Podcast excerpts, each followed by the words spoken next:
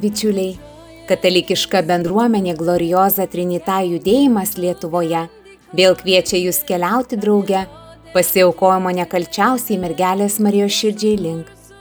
Šventas Liudvikas Marija Grinjonas de Monforas sako, jog šventoji mergelė yra kelias, kurio viešpats pasinaudojo ateidamas pas mus.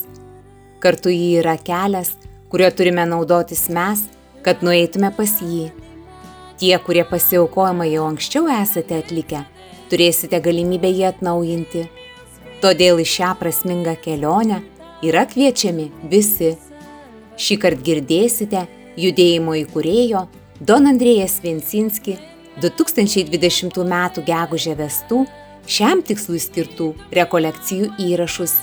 Įrašus iš lenkų ir iš italų kalbos vertė Šventos Elsbietos seserų kongregacijos sesuo Emanuelė ir Šventosios šeimos seserų kongregacijos sesuo Gertrūda.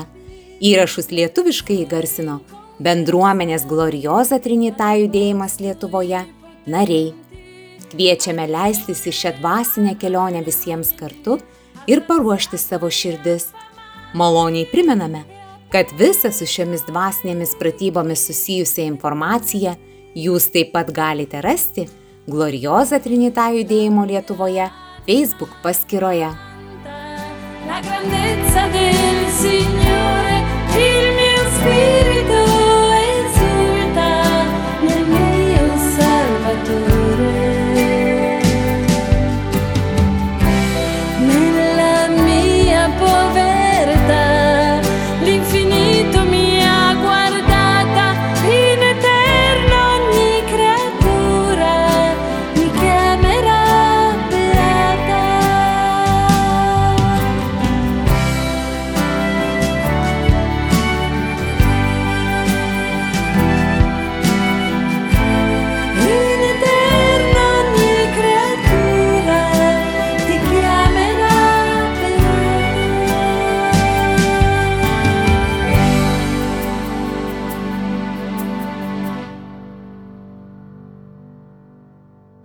nome del Padre, del Figlio dello Spirito Santo. Vardan Dievo, Tėvo ir Sūnaus ir Šventosios Dvasios Amen.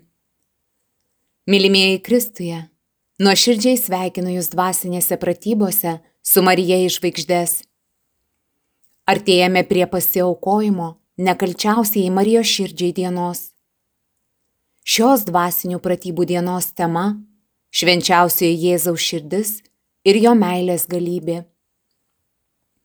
Marijos širdis yra glaudžiai susieta su Jėzaus širdimi. Nekalčiausioji Madonos širdis plaka Jėzaus širdžiai ir dėl Jėzaus širdies. Negalime suprasti Marijos širdies be jos sunaus Jėzaus Kristaus širdies. Mylimieji, mes taip pat turime prisitaikyti prie Jėzaus širdies dūžių. Jėzaus širdis plaka kitaip, ramiau ir gražiau. Eucharistija tai pati nuostabiausia vieta, kur plaka toji širdis. Jėzus padovanoja save tau, o tu tampi jo. Dabar kvieskime šventąją dvasę ir klausykime Dievo žodžio. Vieni, Spirito Santo, vieni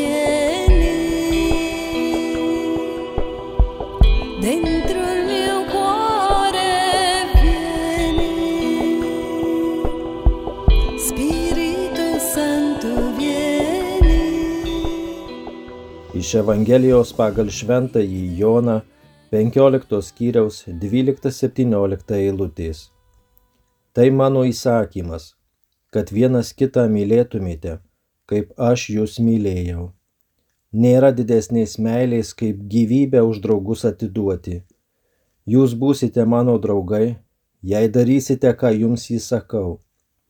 Jau nebevadinu jūsų tarnais, nes tarnas nežino, ką veikia jo šeimininkas. Jūs aš draugais vadinu, nes jums viską paskelbiau, ką buvau iš savo tėvo girdėjęs. Ne jūs mane išsirinkote, bet aš jūs išsirinkau ir paskyriau, kad eitumėte, duotumėte vaisių ir jūsų vaisiai išliktų. kad ko tik prašytumėte tėvą mano vardu, jis visą jums duotų. Aš jums tai įsakau, vienam kitą mylėti.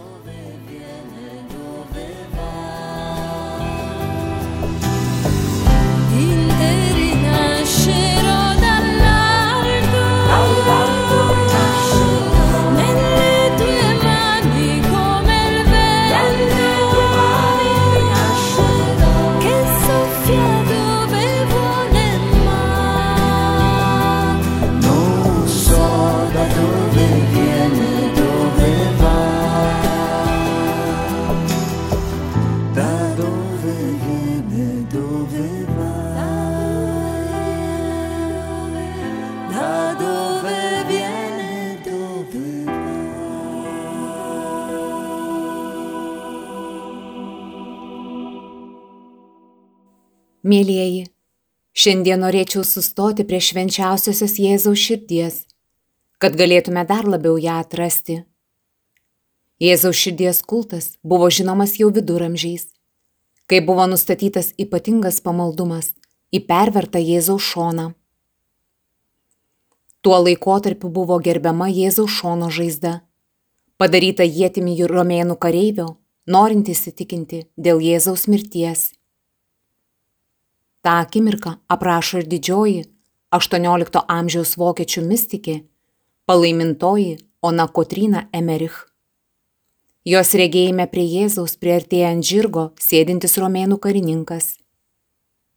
Abiem rankomis laikydamas jėti, jis iš visų jėgų smogė, rėždamas į dešinį šoną. Jėtis giliai įsiskverbė, perverdama širdį. Ta akimirka pasakoja mystikė. Iš sužeisto šono išteka kraujas ir vanduo, aptaškydamas kareiviui, dešimtininkui Kasijui Longinui veidą. Jis nukrenta nuo žirgo ir iškart išpažįsta savo tikėjimą Dievu. Kas žino, kaip šis romėnų kareivis išgyveno tą akimirką ir ką jis jautė. Mums gana žinoti, kad jis atsivertė ir vėliau buvo pakrikštytas kartu su visu Jėzų nukryžiavusiu kareivių būriu. Štai kas sugeba ir kokią jėgą turi švenčiausioji Jėzaus širdis. Mes taip pat galime geriau ją pažinti. Šiuo klausimu kviečiu Jūs melstį švenčiausiosios Jėzaus širdies litaniją. Kartais gyvename tokiu pašėlusiu tempu, kad jaučiame savotišką tachikardiją ir mums reikia, kad širdis sulėtėtų, vėl pradėtų plakti taisyklingai. Tai gali įvykti per Jėzaus širdies persodinimą į mūsų gyvenimą. Švenčiausiosios Jėzaus širdies litanija yra puikia pamoka. Iš tiesų litanija į švenčiausią Jėzaus širdį yra skirstoma į tris dalis - į tris maldavimų grupės. Pirmoji grupė mums kalba apie Jėzaus santykių su tėvu, apie Jėzaus meilę tėvui. Šios invokacijos mums parodo, kaip Jėzus myli ir kontempliuoja tėvą. Antroji grupė skelbia visus Jėzaus titulus, susijusius su jo asmeniniu gyvenimu, tai yra jo darybėmis, charakterio savybėmis. Galiausiai trečioji grupė pasakoja apie Jėzaus požiūrį į žmogų, apie tai, kokį gerumą ir gailestingumą jis jaučia žmogui.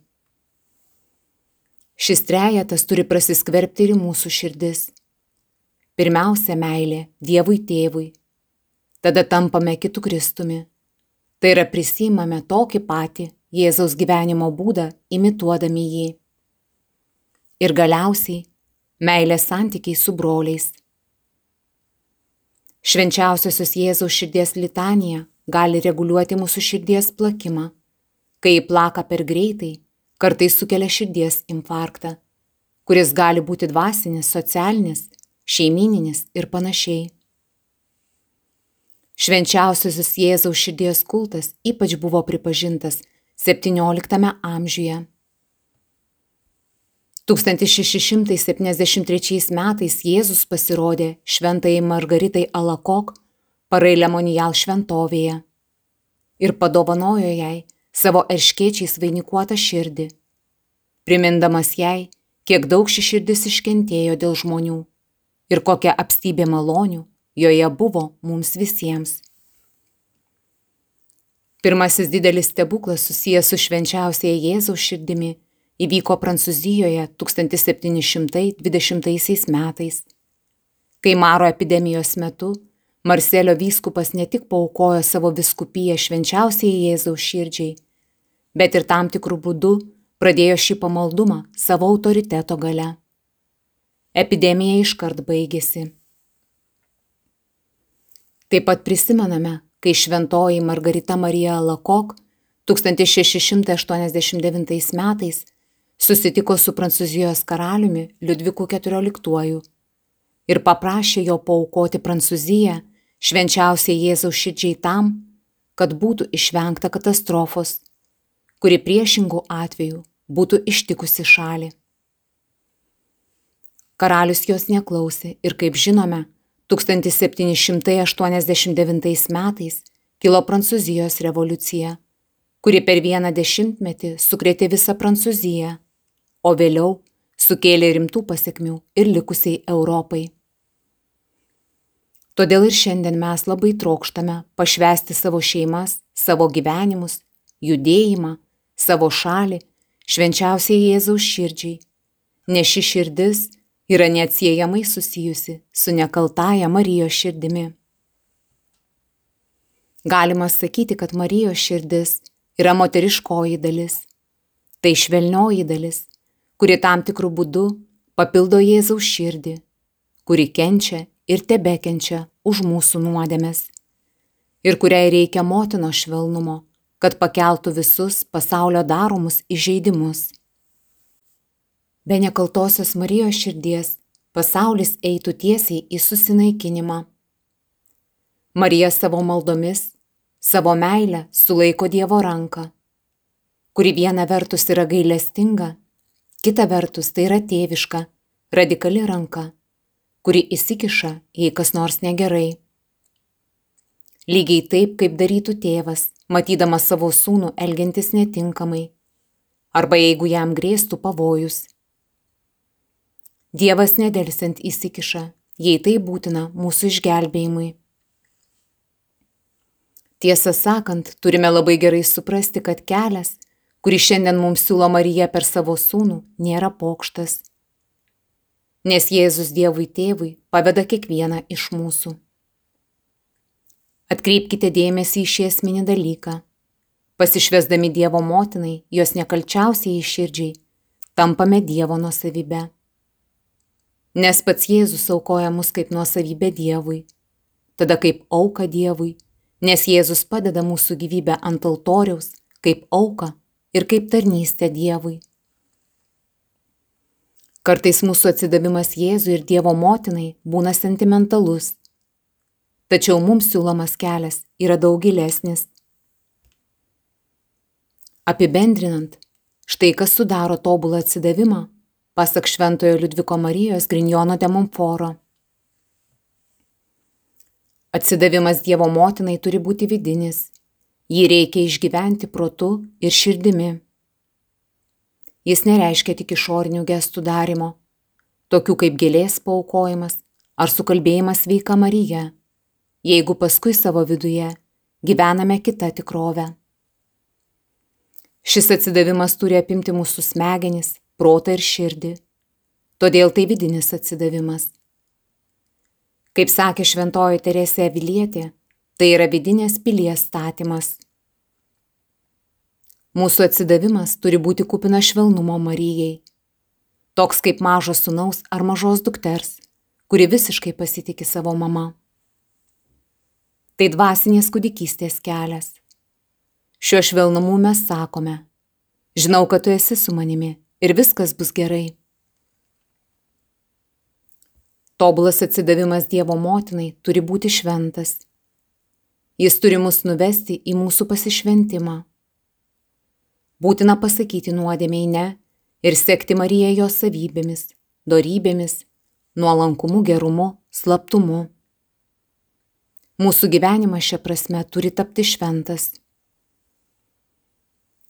Atsidavimas turi būti atkaklus Neužtenka sukalbėti vieną sveiką Mariją ar rožinio dalį, o tada gyventi savo senąjį gyvenimą. Mišios baigtos, dvasinės pratybos baigtos ir jomis baigėsi ir mūsų pamaldumas. Šios mišios šie pratimai turi tęstis, tame pasireiškia atkaklumas.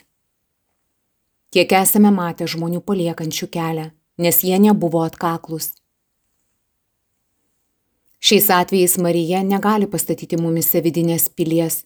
Jei mums trūksta ištvermės, šietonas ateina ir pradeda veikti mumise.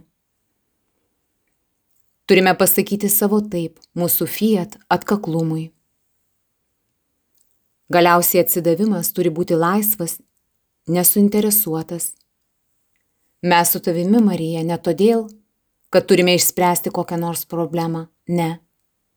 Mums reikia tavęs. Mes esame su tavimi, nes esame tavo vaikai, nes esame Dievo nusavybė, nes buvome paimti kaip auka Dievui nes esame Dievo tarnai ir sekame paskui tave.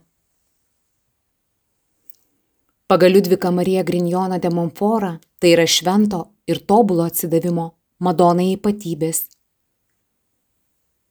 Norint atlikti širdies persodinimą, reikia trijų dalykų. Pirmiausia, donoro kūno, kuris šiuo atveju yra Jėzaus kūnas ant kryžiaus. Prie Jėzaus mirusio ant kryžiaus yra silvartaujanti Madona.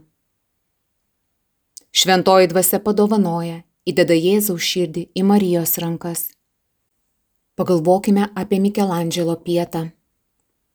Ant Marijos rankų paguldytas jo sūnus Jėzus, o ji atrodo siūlanti mums savo mirusi sūnų, atlikti šiam širdies persodinimui mumise. Šiai transplantacijai atlikti nepakanka donoro širdies. Reikia ir gero chirurgo, tai yra šventosios dvasios. Tai antrasis Dievo motinos etapas - sėkminės. Dievo motina draugė su apaštalais yra aukštutinėme kambaryje ir padeda atlikti šią chirurginę operaciją. Meilės dvasia, kuri operuoja kiekvieną iš mūsų. Galiausiai mums reikia operacinės, kuri mūsų atveju yra bažnyčia, o Dievo motina, kaip gerai žinome, yra ir bažnyčios motina. Todėl turime šiuos tris pagrindinius Marijos paveikslus - Sopulingąją Mariją, Sėkminių Mariją ir Mariją, bažnyčios motina. Šiose dvasinėse pratybose Marija mums siūlo Jėzaus širdį, o Marijos širdis negali niekur kitur vesti tik prie sunaus širdies, nes Marijos širdis plaka, tarnaudama Jėzaus širdžiai. Jėzus mums sako, aš esu kelias, aš esu tiesa, aš esu gyvenimas. Kai Jėzus sako, aš esu kelias, jis nori pasakyti, kad jis turi planą kiekvienam iš mūsų.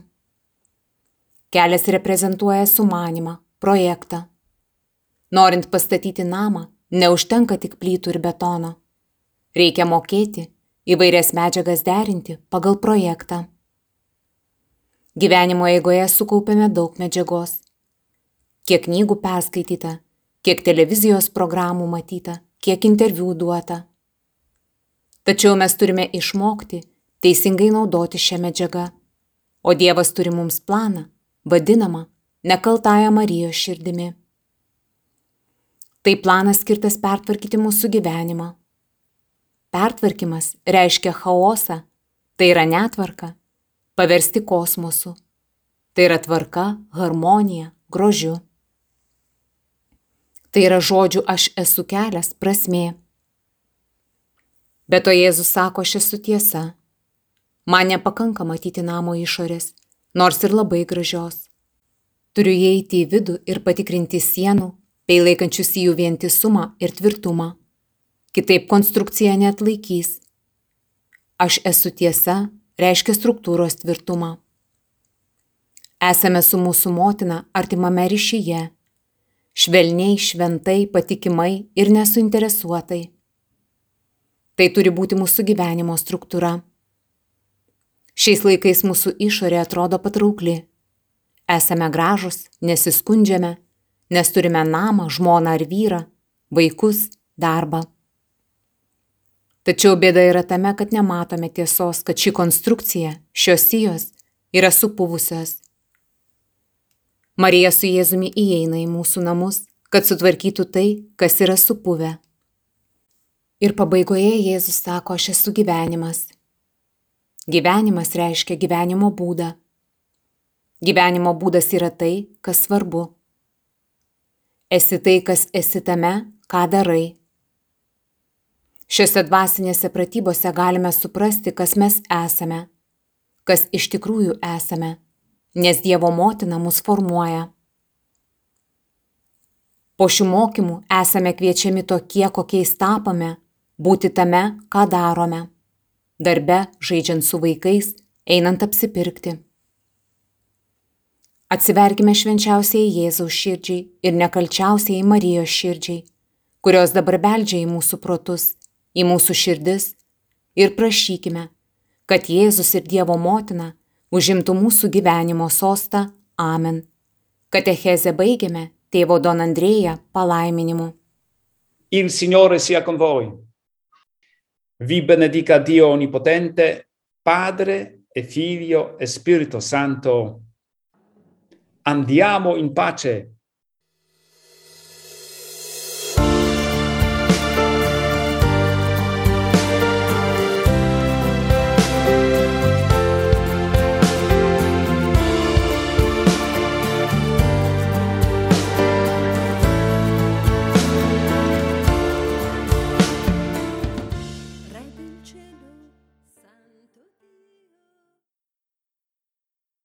Garbėzui Kristui, esu Renata iš Vilkaviškio.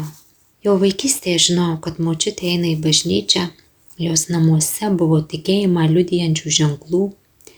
Žinojome, kokiu laiku nevalia močiutės trukdyti, tai jos maldos laikas. Ir tiek. Nuo mūsų anūkų niekas tarytum nebuvo slepiama, bet nebuvo ir mokoma ar pasakojama. Ir bent jau man tai nekėlė jokių klausimų. Tiesiog tai buvo įprasta ir natūralu. Tikriausiai nebuvau smelsus vaikas. Taigi mano kelias į tikėjimą prasidėjo su sąjūdžiu. Tuomet jau būdama paauglė priejau sakramentų ir kurį laiką gyvenau tikėjimu. Paskui keletui metų atitolau visiškai, dar keletą metų bažnyčioje pasirodydavau tik epizodiškai, tik tam tikrom progom, kai iš šios dienos pozicijos žvelgiu atgalios, negaliu suprasti, kodėl nusprendėme tuoktis bažnyčioje, nes būsimo vyro gyvenime tikėjimo buvo dar mažiau nei manajame. Ir mano pačios vaikai apie Dievą išgirdo ne iš manęs. Vyresnioji dukra į katechezės pamokėlės ėjo savarankiškai. Sekmainiais pati atsikeldavo ir nubėgdavo į šventas mišes. Tiesa, ten jos jau laukdavo močiutė. O man nereikėjo niekur eiti ir buvo visai patogu. O mane į tikėjimo kelią gražino jaunėlės grėtės pasiruošimas sakramentą. Lik tol vos vos rusenės Dievo pažinimo troškimas įsiplėskė tikra liepsna. Ir net karantinas nesutrukdė ir nenuslopino to jausmo. Sąmoningai ieškojau informacijos internete. Gerte gėriau viską kaip kempinį. O kuo daugiau ieškojau, tuo daugiau susijusios informacijos mane pasiekdavo savaime. Tuo metu, bebaigiant alfa kursą, sužinojau apie gloriozą Trinitą bendruomenę. Štai jau ketvirti metai keliauju kartu su bendruomenė. Buvimas bendruomenėje man yra būdas išlikti tikėjime. Bet dalintis norėjau apie švenčiausiosios mergelės Marijos veikimą mūsų gyvenime šiandien. Evaldas jau minėjo, kad 2022 metais į Lietuvą buvo atvežta ir kurį laiką mūsų bendruomenėje keliavo švenčiausiosios mergelės Marijos skulptūra iš Italijos. Jeigu labai trumpai perpasakojant brolių Lenkų pasakojimą, kaip jie atsirado bendruomenėje, tai Milano bendruomenė Italijoje pastebėjau vyriškį, nuolat dalyvaujantį adoracijose ir stebinti bendruomenę iš tolo. Jis niekad nepriejo, nieko neklausė ir nieko nesakė. O vieną dieną tiesiog paėmė ir atnešė šeimos relikviją. Švenčiausiosios mergelės Marijos nuostabaus grožio skulptūrą ir perdavė ją sakydamas, jog jaučia, kad šią skulptūrą turi atiduoti būtent šiai bendruomeniai. Taigi, meldžiausi prie šios skulptūros, prašydama švenčiausiosios mergelės Marijos užtarimo, pagalbos ir atsivertimo malonės savo šeimai. Nieko per daug nesitikėjau, nes nesijaučiau verta. Buvau pasiryžusi melstį tiek, kiek reikės. Net kai kiti bendruomenės nariai sakė, kad dabar tai būkite pasiruošę priimti malonės, tyliai savo pagalvojau, kad tikriausiai ne man, ar bent jau ne dabar. Te praėjus porai mėnesių turėjau pripažinti, kad mergelė Marija išgirdo būtent mane čia ir dabar. Nuo tada visuose bendruomenės susitikimuose dalyvaujame kartu su vyru. Matau jo norą ir pastangas sužinoti, suprasti ir išmokti daugiau. Dabar jau jis mane paragina ir paskatina labiau įsitraukti ir aktyviau dalyvauti bendruomenėje, kas prieš gerus metus būtų atrodę nerealu. Šlovė viešpačiui už švenčiausiąją mergelę Mariją, už bendruomenę, už visas malonės, už visas dovanas, už tai, kad esame, už tai, kokie esame. Šlovė viešpačiui.